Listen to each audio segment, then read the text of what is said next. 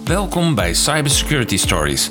Deze podcast is voor iedereen die wil weten hoe je je organisatie en je privéleven digitaal veiliger kan maken. Ik ben Mark van Horik van Protector IT Security. Welkom bij een nieuwe aflevering van Cybersecurity Stories. En in deze aflevering gaan we het hebben over datalekken. En ik heb daar een hele goede gast voor. En dat is Tamara Brandt. Tamara Brandt die gaat ons nou, heel veel zaken vertellen over datalekken. Um, maar eerst, Tamara, zou je een beetje kunnen voorstellen aan onze luisteraars? Ja, zeker Mark. Uh, dankjewel voor de korte introductie. Um, nou ja, uh, hartstikke leuk dat je, dat je me gevraagd hebt om uh, mee te werken aan deze aflevering. Um, privacy is mijn favoriete onderwerp, dus daar wil ik het liefst elke dag, de hele dag over praten. Um, ja, en het datalek, dat neemt daar natuurlijk een heel uh, centrale plek in. Uh, in. Um, nou, zoals het accent vast al een heel klein beetje weg heeft gegeven, ik woon in het, uh, in het zuiden van het land.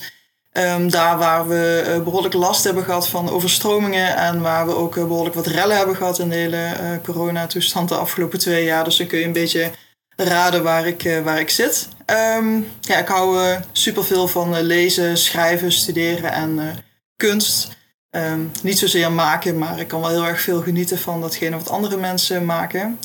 Um, ja, sinds 2013 ben ik uh, eigenlijk al werkzaam binnen het domein van informatiebeveiliging en ook privacy. En ik heb uh, ook ja, bij veel verschillende bedrijven en organisaties uh, een kijkje in de keuken mogen nemen en ze ja, mogen ondersteunen met allerhande vraagstukken. Nou, dat klinkt hartstikke goed. En um, ja, ik, ik wil gelijk er even induiken. Datalekken. Ja. We horen het zo vaak. Als je de nieuws zou volgen op een of andere manier, er komt altijd wel een of andere datalek tevoorschijn. Het komt zo vaak voor dat je zou bijna zeggen dat we er een soort van zeggen, immuun voor worden. Um, maar even, oh ja, weer een datalek. En ik denk dat dit een goed moment is om juist daar wat dieper op in te gaan. Van wat is nou eigenlijk die datalek? En wat, wat heeft dat voor betekenis voor mij, voor mijn organisatie? En wat moet ik eraan doen? Nou, allemaal dat soort vragen. Nou, dan gaan we met jou daar uitgebreider op in. Zodat na afloop van deze aflevering, ik hoop dat menigeen een stuk wijzer is geworden van datalek, maar ook weet wat ze wel en juist niet moeten doen. Nou, laten we gewoon beginnen bij het begin. Wat is een datalek? Ja, dat is een, eh, een hele goede inderdaad. Beginnen bij het begin. Um, nou, rondom het begrip datalekken zijn heel veel uh, misvattingen, merk ik, uh, onder mensen. Dus het is vaak lastig om voor hun te identificeren wanneer is er nu sprake van een datalek en wanneer niet. Um, nou, kijk je naar de geldende wet en regelgeving en duik je bijvoorbeeld in de AVG um, en je zou zoeken op het woordje datalek, dan zal je zien dat het precies nul keer voorkomt. Dus in de AVG wordt niet gesproken over een datalek. Um, waar gaat het dan wel over? Um, daar spreken ze van een inbreuk met betrekking tot persoonsgegevens. En um, nou, ga je beginnen bij dat begin, dan zegt diezelfde wetgeving ook: zorg er nu voor dat als je persoonsgegevens verwerkt, dat je passende technische en organisatorische maatregelen neemt die een passende beveiliging uh, bieden om een ongeoorloofde of onrechtmatige verwerking en um, onopzettelijk uh, verlies, vernietiging of beschadiging van die gegevens uh, te voorkomen. Nu is dat een heel uh, droog theoretisch stukje, dus um, ik ben me ervan bewust dat dat misschien nog niet ja, echt heel erg tot, tot de verbeelding spreekt. Um, dus ja, we kunnen dat denk ik het beste maken, ondersteunen aan de hand van een aantal voorbeeldjes. Ja, ik vond het trouwens wel heel bijzonder dat gewoon de term datalek is dus gewoon helemaal geen AVG-term. Nee, datalek, eh, daar spreekt de AVG niet van. Dus ze spreekt eh, van een inbreuk met betrekking tot persoonsgegevens. En dat plaatst het meteen mooi eigenlijk in uh, waar wij naartoe willen in, dit, in deze uitleg. Het is namelijk veel breder dan Um, dan uh, ja, zeg maar de opzettelijke hack. Hè? Dat is het voorbeeld dat iedereen wel kent. Uh, er wordt ingebroken in een netwerk, er wordt ingebroken in een systeem. En een onverlaat uh, ja, kopieert de database waar hartstikke veel persoonsgegevens in zitten. En doet daar zijn of haar voordeel mee. Dat is natuurlijk het meest sprekende voorbeeld. Zouden we dat op straat aan mensen vragen, zeggen ze ja, ja dat is een datalek. Um, maar er kan natuurlijk nog veel meer gebeuren met persoonsgegevens wat onwenselijk is. En ehm, daarom hebben ze eigenlijk die brede term, inbreuk met betrekking tot persoonsgegevens, uh, gehanteerd. Zodat ook ehm, ja, zaken die per ongeluk uh, gebeuren als een datalek gekwalificeerd kunnen worden. Maar we spreken daar natuurlijk gewoon wel van. Hè? Dus dat is het makkelijkste om het te duiden. En ook privacy professionals onderling. Werk je bij een organisatie en ben je verantwoordelijk voor de afhandeling van deze zaken, dan in de spreektaal is datalek gewoon een heel ja, gangbare term. Hoor. Ja, ja, ja. Ja, ik denk dat je het heel goed aangeeft van dat wat in het nieuws voorkomt, dat zijn de kwaadaardige dataleks. Een hack eh, geweest, de befaamde GGD-datalek, alle kabels.nl lek en al dat soort zaken. Uh, Maar ik, en dat willen we zeker ook wel benoemen in deze aflevering. Maar nog belangrijker is al die andere vormen van datalekken waar men misschien helemaal geen idee van heeft dat ze een datalek veroorzaken. Kan jij wat hele praktische, uh, aansprekende voorbeelden benoemen, zodat mm, ja, luisteraars niet alleen maar denken aan een kwaadaardige hacker die daar bezig is, maar andere vormen van datalekken? Ja, zeker. Um, nou, ik heb een, uh, een voorbeeld waarbij ik um, tijdens een van de lockdowns een wandeling aan het maken was. Heel lekker uh, bij een parkje hier in de buurt. En ik liep daar uh, langs de weg, langs een, een, redelijk grote weg waar het park aan grenst, over het fietspad. En ik kijk zo links en rechts. Ik denk, wat waaien hier toch voor blaadjes allemaal over de vloer? Dus uh, ik ben erheen gegaan en ik heb een paar van die blaadjes opgeraapt en verzameld en gekeken. En toen zag ik dat dat werkbonnen waren van een, van, een, van een bedrijf in de buurt. Ehm, en waarschijnlijk vermoed ik dat degene die die werkbonnen gemaakt had uh, op het fietsje met de werkmap in de, in de fietstas uh, voorbij is gekomen. En dat hij um, ja, die werkmap eigenlijk uit zijn fietstas uh, gevallen is. Dus die blaadjes die waaiden daar allemaal over de grond. Ik heb ze verzameld en mee naar huis genomen. Nou, hoe kwalificeert dat als een datalek? Nou, ik ben gaan kijken wat, wat voor informatie staat er op die blaadjes. En nou, ik zag dat er um, naam en adres op stond. Um, hetgeen wat er mis was met de woning. En een handtekening uh, van de persoon uh, om aan te geven dat die uh, degene die op bezoek was geweest inderdaad de werkzaamheden afgerond had. Um, die kwalificeert het omdat die gegevens zeer waarschijnlijk per ongeluk, hè, die meneer zal niet uh, gedacht hebben, gooi ze gewoon hier uh, over, de, over de hele uh, grond. maar zeer waarschijnlijk heeft hij per ongeluk die gegevens verloren. Um, maar um, het maakt nog steeds een inbreuk op die persoonsgegevens. Want ik heb ze bijvoorbeeld gevonden terwijl ik niet ja, de, de autorisatie in principe heb om kennis te nemen van die gegevens. En kijk, soms noem ik dat voorbeeld in mijn eigen kennissenkring en dan zeggen ze ja, maar wat maakt dat nou uit? Dan vind je een blaadje en dan staat erop dat, uh, dat de balkondeur het slot niet goed is en dat het vervangen moet worden. En dan denk ik, ja, dat is eigenlijk precies het voorbeeld waarom het belangrijk is. Hè? Want als ik het nu kwaad in de zin zou hebben, dan um, zou ik op basis van de informatie die op die blaadjes te lezen is, een heleboel dingen kunnen verzinnen. Um, ja, eh, waar ik iets mee kan doen wat niet in de haak is. En ja, het tweede punt is, er staat best wel veel informatie op. Als ik namelijk naam en adres van een persoon heb en ik heb zijn handtekening, dan ligt identiteitsfraude natuurlijk op, op de loer. Um, dus ja, wat ik, om het verhaal even af te ronden, Mark, wat ik gedaan heb, ik heb ze mee naar huis genomen. Ik heb contact opgenomen met het bedrijf en de gegevens weer geretourneerd. Um, ja goed, en dan zijn er natuurlijk nog wat, wat andere voorbeeldjes te bedenken. Denk aan bijvoorbeeld een, een afdeling sociale zaken van een gemeente die brieven wil sturen naar cliënten. nou, die brieven worden netjes geprint. Die gaan vervolgens naar de, ehm, de afdeling die de brieven daadwerkelijk verstuurt. En daar worden ze per ongeluk, wordt, wordt de verkeerde brief in de verkeerde envelop gestoken. Nou, dan gaan die brieven de deur uit. De cliënten ontvangen die brief die lezen een heleboel uh, gevoelige informatie die niet over hen gaat. Ja, dan kunnen we natuurlijk allebei uh, ja, indenken hoe pijnlijk dat uh, moet zijn voor, voor de betrokkenen. Dus ook al is er dan geen sprake van kwade opzet, het kwalificeert wel degelijk als, als een datalek. en het, voorbeeld wat je aangaf van de GGD, um, daar zie je eigenlijk beide elementen heel mooi terugkomen. Want we hadden het over het klassieke voorbeeld waarbij een cybercrimineel zich toegang verschaft hè, tot een systeem, gegevens steelt en die bijvoorbeeld verkoopt op de, op de zwarte markt. Um, dus je hebt eigenlijk twee categorieën. Eén is echt kwade opzet en hack. Nou, die voorbeelden kennen we allemaal. En aan de andere kant kun je ook gegevens per kwijtraken. Um, waardoor, je ook, uh, waardoor er ook sprake is van een datalek. Als je dan kijkt naar het voorbeeld van de GGD, dan heb je eigenlijk met allebei de elementen te maken. Enerzijds waren er medewerkers van de GGD die het kwaad in de zin hadden, die bewust en actief gegevens gingen downloaden om ze te verkopen. En aan de andere kant um, begrijp ik dat er te veel toegang was. Dus de autorisatie voor medewerkers van het callcenter was te groot. Dus zij konden van alle mensen in Nederland alle uh, testafspraken, resultaten, uh, persoonsgegevens inzien. Terwijl dat niet strikt noodzakelijk was voor hun uh, zakelijk doel. Dus daar zie je eigenlijk die twee elementen heel mooi terugkomen. Ja, wat ik uh, met die overigens hele uh, aansprekende voorbeelden. Ik vond dat ook met dat. Uh, laten, we, laten we eens naar het eerste voorbeeld teruggaan. Je vindt dus papieren versies met gegevens erop. Dus heel duidelijk, een datalek. Wij denken tegenwoordig, denk ik, te veel dat data is digitaal.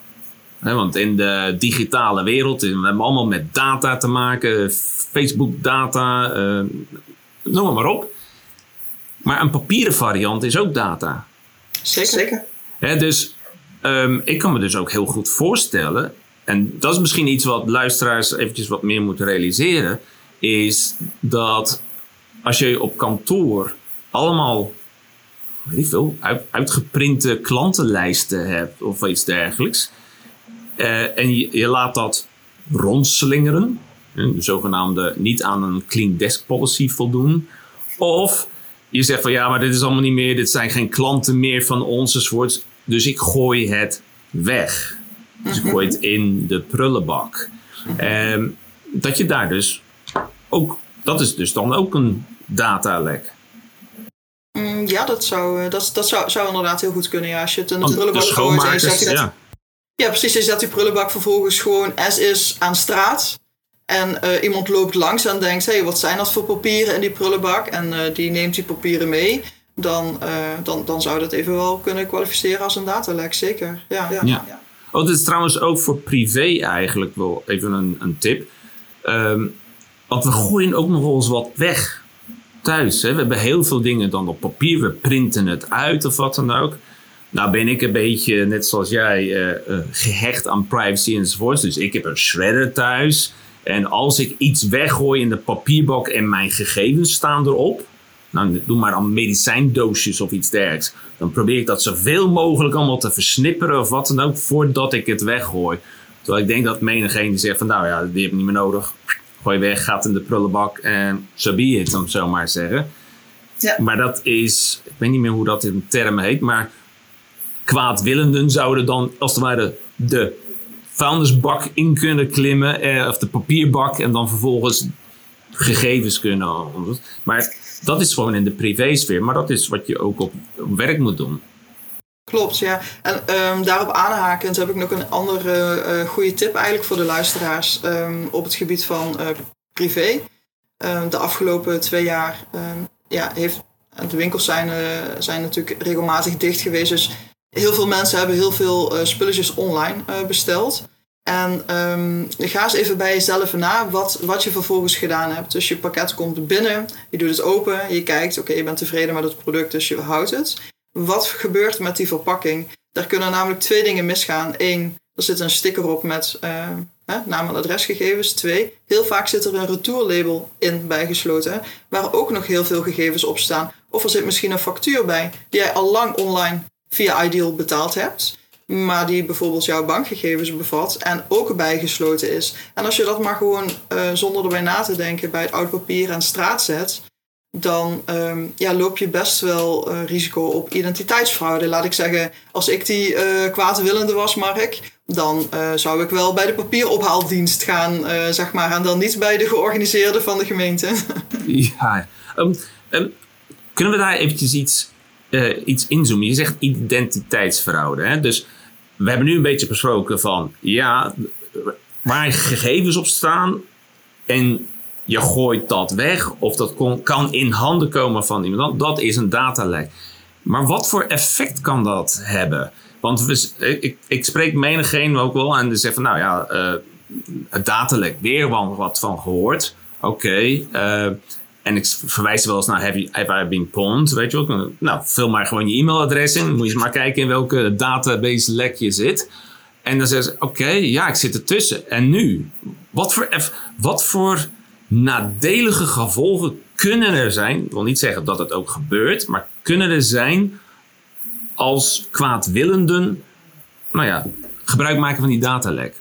Ja, um, nou, wat voor gevolgen kunnen er zijn? Het is uh, een hele goede vraag om jezelf af te vragen, want um, als je bij een organisatie werkt en je bent verantwoordelijk voor de afhandeling van een datalek, dan is dat exact de vraag die jij jezelf uh, moet stellen bij, um, uh, ja, bij, bij, de afhandeling daarvan. Dus je gaat kijken, moet ik dit bijvoorbeeld melden aan uh, de autoriteiten? Moet ik dit melden aan de betrokkenen? En precies daar ga je dan je assessment op doen. Dus je gaat beoordelen wat is het effect, wat zijn de, gevolgen, de mogelijke risico's voor betrokkenen bij het uitlekken van deze gegevens. En waar moet je dat aan denken? Nou, ik denk dat een van de, ja, van, de grotere zaken inderdaad identiteitsfraude is. Dus dat iemand um, hè, op een bepaald moment gegevens van jou verzameld heeft, waardoor die zich uh, on- of offline als jou voor kan doen.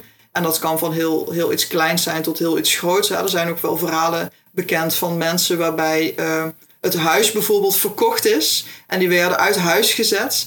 Uh, want zij hadden hun huis verkocht. En dat bleek uiteindelijk die mensen dus helemaal niet, uh, niet te zijn. Maar daar, daar, is gewoon, daar komt heel veel ellende van. En dat is heel erg moeilijk terug te draaien en weer zeg maar op, op de goede baan te krijgen. Maar je kunt ook denken aan andere zaken, zoals um, ja, kijk, kwaadwillende zeker te, ja, nu tegenwoordig zijn, zijn op geld uit. Dus daar waar vroeger hacks nog wel plaatsvonden, gewoon voor de eer om te laten zien wat je skills waren en wat je, wat je kon, uh, is het nu gewoon een heel groot verdienmodel. Dus jouw persoonsgegevens zijn geld waard, zijn heel veel geld waard.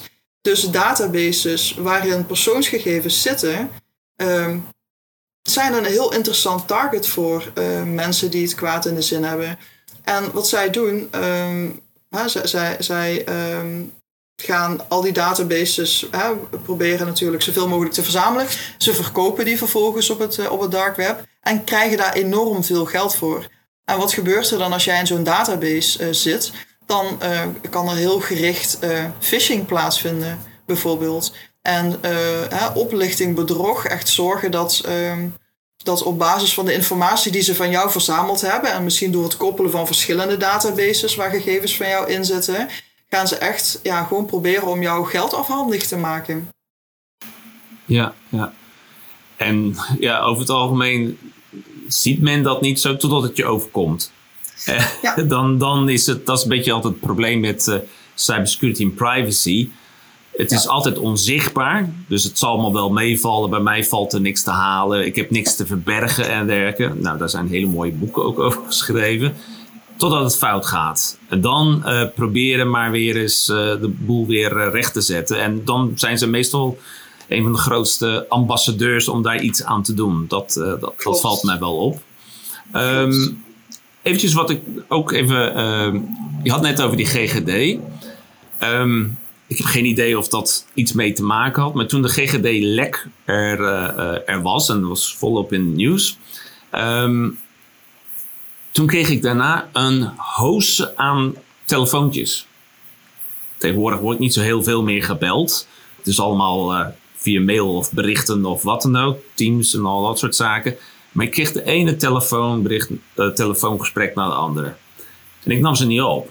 Want het waren allemaal, het zij uit het buitenland, het zij uit allerlei plekken waar ik.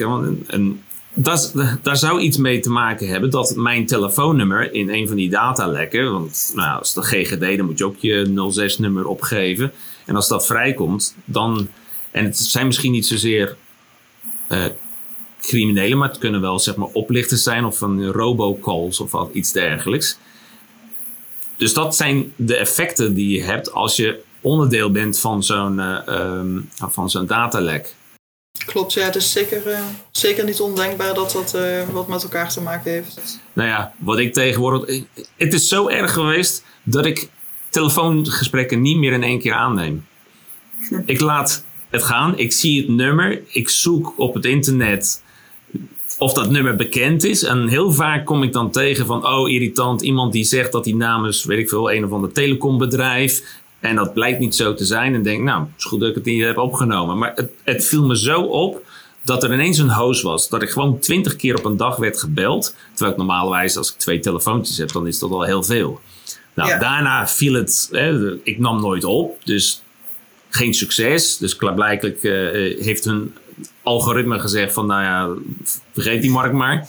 Ehm, een ander ding met de GGD waar ik aan zat te denken is, je had het over twee kanten.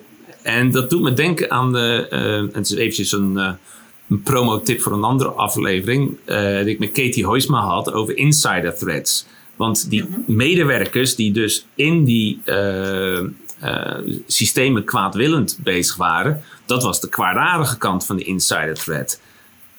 Maar de anderen die gewoon toegang hadden tot alles, ja, dat was ook een insider threat. Toch? Maar dat was meer een soort onbewuste variant. Ja, zeker. Ja, nee, dat, uh, dat klopt. Dat is, uh... Nou is er een datalek. Wat moet er gebeuren? Wie moet wat doen? Um, nou, wie moet wat doen? Uh, vanuit organisatieperspectieven bekeken heb je verschillende rollen. überhaupt, hè, wanneer het over, over privacy gaat. Je hebt natuurlijk de verwerkingsverantwoordelijke, je hebt de verwerker. En in dit geval dan ook zeker de toezichthoudende autoriteit. Nou, die verwerkingsverantwoordelijke is degene die het middel en doel van de verwerking bepaalt. De verwerker is degene die ten behoeve van die verwerkingsverantwoordelijke op dienstinstructie de persoonsgegevens verwerkt. En de toezichthoudende autoriteit die, die houdt uh, toezicht.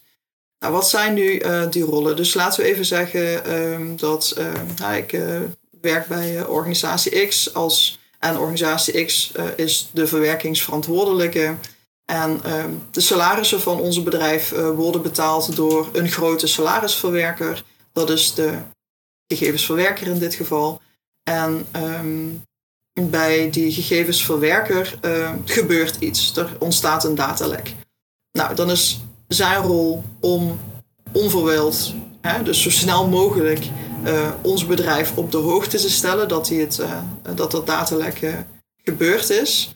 En um, die gaat vervolgens ook helpen om uit te zoeken wat er gebeurd is en hoe, hoe groot het is. En aan mij als verwerkingsverantwoordelijke, dus uh, als, als hoofd van die organisatie, is uh, nou, dat datalek eventueel melden als het meldingsplichtig is. En dat kan zijn bij de toezichthoudende autoriteit of bij de betrokkenen of bij, uh, bij beide. En aan mij is ook de taak om een register bij te houden van al die datalekken die plaatsvinden. Dus zowel degene die je moet melden als die je niet hoeft te, te melden. En dan ja, tenslotte die toezichthoudende autoriteit die uh, ja, kan onderzoek instellen en uh, sancties opleggen. En bijvoorbeeld ook uh, mij als verwerkingsverantwoordelijke gelasten om melding te doen aan de betrokkenen. Ook al zou ik zelf vinden dat ik dat niet hoefde te doen. En ja, je kunt eigenlijk een soort stappenplantje aanhouden. Dus als er nou een datalek gebeurt, of je vermoedt hè, dat, er, dat er iets, iets gebeurt, dus wat zou kunnen kwalificeren als een datalek, dan ga je in eerste instantie analyseren. Je gaat kijken naar wat is, wat is er gebeurd. Um, je, je gaat uh, zorgen dat je de schade beperkt. Hè? Dus uh, zijn er maatregelen die je kunt nemen om dat lek zo snel mogelijk te stoppen. Daarmee kun je, uh, daarvoor kun je natuurlijk samenwerken met andere, met andere afdelingen binnen de organisatie. Denk aan IT of security als daar een aparte afdeling voor is. Je gaat een analyse doen om te kijken of je het dient te melden aan de autoriteiten. Nou, indien zo, dan doe je natuurlijk die melding. Je gaat analyse doen om te kijken of je het moet melden aan de betrokkenen. En als dat zo is, dan ga je die melding doen. En uh, tenslotte registreer je het uh, in jouw datalekregister. Dus ook wanneer je het niet hoefde te melden, uh, registreer je. Dus overzicht, schade beperken, melden bij de autoriteiten, melden bij de betrokkenen en registreren. Oké, als ik dit stukje. En, en, we hebben even hier een, een, voorbeeld. Je had het net in de papieren variant. Ik zeg wel, is een mailing. En wij gaan uh, allerlei gegevens versturen. En dat heb ik, of heeft een collega, of iemand dan ook, heeft per ongeluk naar verkeerde personen gestuurd. dat is, ik had het met Katie ook al over. Het is heel simpel om, als er meerdere marken in jouw uh, e-maillijst staat en jij stuurt dat naar iemand, kan het best zijn dat je het naar een verkeerde persoon stuurt of wat dan ook. Ja. Oké, laten we constateren, dit is een datalek. Mm En het, dus behalve dan dat ik zeg van, oh nee, wat heb ik gedaan? Of wat dan ook, dan moet ik dat gaan uh, doorgeven aan iemand binnen de organisatie die daar verantwoordelijk voor is. Dus het is van, van groot belang dus dat elke organisatie, dat iedereen binnen de organisatie ook weet bij wie ik moet zijn als ik zoiets heb gedaan. En niet zo van, uh, niemand heeft dit gezien, dus daar hebben we het maar niet verder over. Want dat kan dus niet meer. Nee, klopt. Wat, dus dat is dan, uh, dan uh, gebeurd. En dan, dan moet dat eigenlijk altijd aan de autoriteit. Dus zelfs in zo'n geval, waarbij ik iets heb verstuurd, waar wel persoonsgegevens, laat ik zeggen, er zitten een aantal gegevens van een aantal klanten of patiënten of wat dan ook, en dat is gewoon ergens verkeerd gegaan. Dan, dan, hè, meld ik dat aan, aan, aan die verantwoordelijke en die gaat dat allemaal verder dan registreren. Ja, ja precies. Allereerst, uh, lieve managers die luisteren naar deze podcast, wees alsjeblieft heel erg blij met alle meldingen van incidenten en eventuele datalekken die je, die je krijgt. Als je een toename ziet in het aantal meldingen van datalekken, dan wil niet zeggen dat het aantal datalekken ook zelf daadwerkelijk toeneemt. Het wil alleen maar zeggen dat je steeds beter uh, in kaart krijgt waar de datalekken zijn.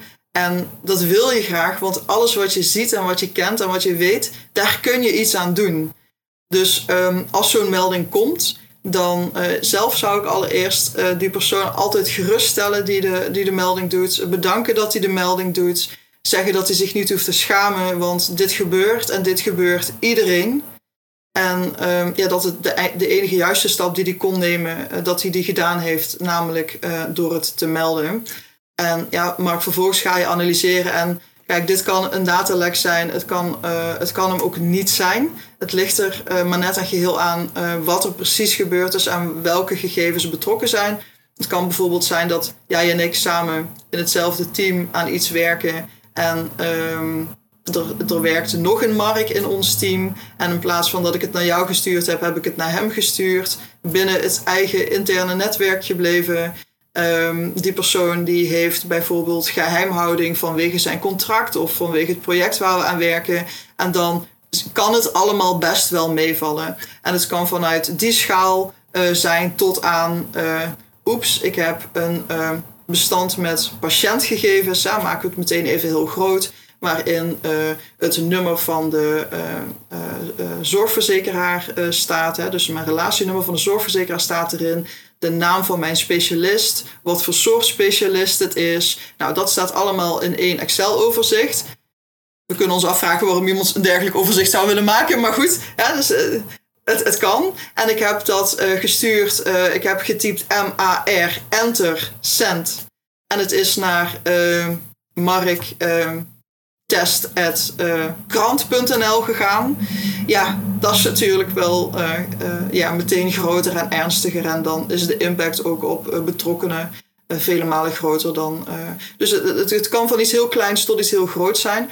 En um, ja, precies dit voorbeeld eigenlijk wat je aangeeft, is volgens mij nog steeds het meest voorkomende. Dus een verkeerd verzonden e-mail.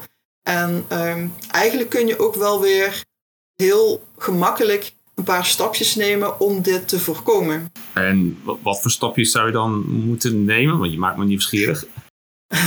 um, nou, je zou bijvoorbeeld uh, aan kunnen zetten dat er een vertraging is in het verzenden van je e-mail. Zodat je altijd nog, als je ineens realiseert, oeps, het is naar de verkeerde, dat je het tegen kan houden. Er zijn ook e-mail um, systemen die ondersteunen dat je nog een keer een pop-up krijgt waarin je ziet naar wie dat de e-mail toegaat. En je moet uh, dan, uh, waar, waarbij je echt bewust moet bevestigen ja, dat dat de juiste persoon is. Uh, dus zo kun je eigenlijk ja, best wel met wat, wat kleine middeltjes uh, een heel groot deel van deze problematiek om, omzeilen.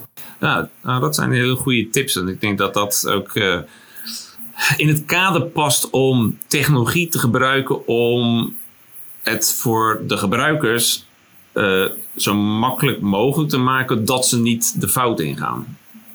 Dus ik ben eventjes nieuwsgierig.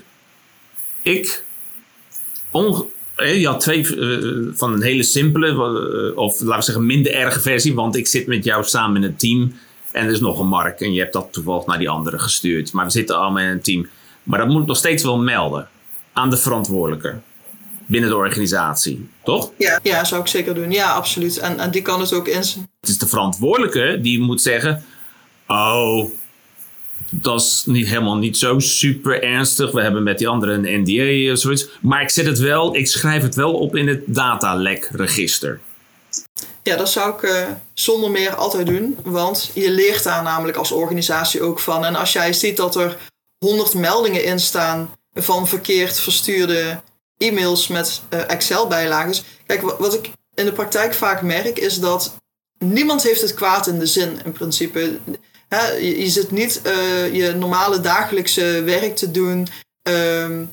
Om, en, en daar heb je dan zin uh, om lekker iets verkeerd te gaan versturen, bijvoorbeeld. Hè. Dat, dat is het nooit.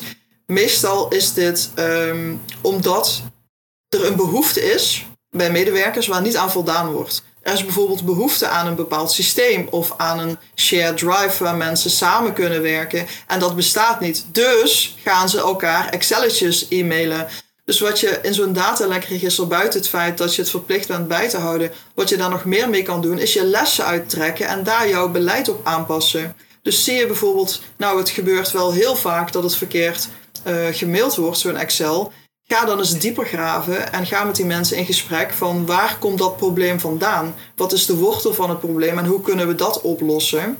Hetzelfde bij die verkeerd verstuurde brieven bijvoorbeeld. Dan zou je eens met de uh, mensen van, uh, van de afdeling die die brieven versturen kunnen gaan praten en zeggen: hey, hoe kunnen we het misschien uh, voor een deel automatiseren om te zorgen dat dat, dat dat niet meer gebeurt? Ja, ik vind dat eigenlijk wel een hele goede. Dus ehm, managers, wees blij dat het geregistreerd wordt. Want het geeft je een uitgelezen moment om de, de kwetsbaarheden binnen je organisatie, om die nou ja, goed geregistreerd te zien. Om vervolgens daar ook iets mee te doen, zodat die kwetsbaarheden eigenlijk niet meer voorkomen. Dat is dan tenminste het streven. Of in ieder geval een stuk minder vaak uh, gaan plaatsvinden. Exact. Nou, ik vond dat uh, een mooie afronding van een zeer boeiend onderwerp. Dus ik wil je heel erg bedanken, Tamara, voor al deze inzichten. Ik hoop ook dat de luisteraars echt de takeaways nemen van dat datalekken in allerlei vormen en maten voorkomen. En niet alleen maar van de kwaadaardige hacker die dus alleen van de database weet binnen te dringen en al die data weet te ontsluiten. Of ransomware hackers die dat als uh, chantagemiddel willen gaan gebruiken. Nee, het komt eigenlijk nog veel vaker voor dat het gewoon in het dagelijks leven plaatsvindt. Het is niet alleen digitaal, het is ook gewoon in de papieren variant. Daar hebben we het ook al over gesproken. En vervolgens hebben we over gesproken van hoe, wat voor proces je moet doorlopen wanneer je constateert van, oh, ai, dit is een datalek. En ik vond het wel het mooiste ook wel van jouw, opmerking van managers gaan er niet gelijk van, ah ja, ach en wee, er is weer een datalek gekomen. Nee, het is goed dat uh, je collega's dat melden. Jij kan dat registreren en dan kan je inzichten uitkrijgen om de, de zwakkere punten van je organisatie beter aan te pakken. En ja, daardoor eigenlijk jouw organisatie privacy technisch een steeds veiligere organisatie gaat maken. Nou, ik, um, Tenzij jij nog iets aanvullends hebt om nog uh, te vertellen aan de luisteraars. Nou, je zei uh, eerder, uh, maakte je de opmerking en die hoor ik heel vaak. Ik heb toch niets te verbergen, waar inderdaad ook een heel mooi boek over geschreven is. En tegen die mensen zeg ik altijd, en bij deze dan ook als, als laatste zeg maar voor de, voor de luisteraar. het gaat niet zozeer om wat je wel of niet te verbergen hebt, maar het gaat om wat je te beschermen hebt en om het hebben van een keuze. Hè? Jouw gegevens zijn van jou En het mag niet een ander zijn die voor jou bepaalt wat daarmee gebeurt. Nou, daar sta ik helemaal achter. En wat ik ook vaak zeg is, je privacy kan je eigenlijk maar één keer verliezen. Want als het daarna in de grote boze wereld is, je hebt er helemaal geen controle meer over. Zo. Dus ja, ik hoop dat hiermee wederom een, een moment is dat mensen goed over nadenken over hun privacy. En dan toch echt alles proberen uit de kast te halen. Om het zelf dan te, te, verbeteren. En dat organisaties, laten we zeggen, persoonsgegevens niet meer als data, wat een beetje een soort ongrijpbaar iets is. Nee, data staat voor een persoon. En als jij daar iets niet goed mee doet en dat door een datalek in verkeerde handen terecht kan komen, kan die persoon, en dat kan je klant zijn, dat kan je medewerker, kan je patiënt zijn, dat kan je toeleverancier, whatever. Allemaal mensen waar je mee te maken hebt en die eigenlijk onder jouw verantwoordelijkheid vallen, het beschermen van die data, dat die daar echt wel ellende van kan hebben. Je gaf het ook al aan, als iemand jouw identiteit fraudeert, dan kan het soms ongelooflijk veel moeite kosten om dat weer recht te zetten.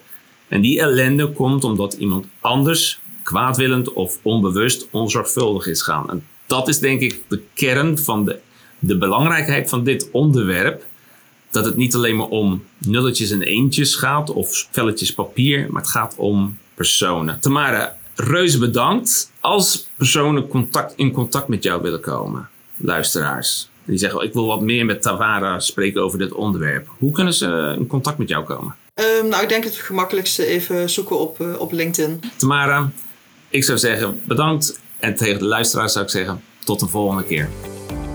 Bedankt voor het luisteren naar deze aflevering van Cybersecurity Stories. Vind je onze podcast waardevol? Abonneer dan via je favoriete podcastplatform. En gebruik je Spotify of Apple Podcast? Dan zouden we het heel erg waarderen als je ons ook een rating zou willen geven.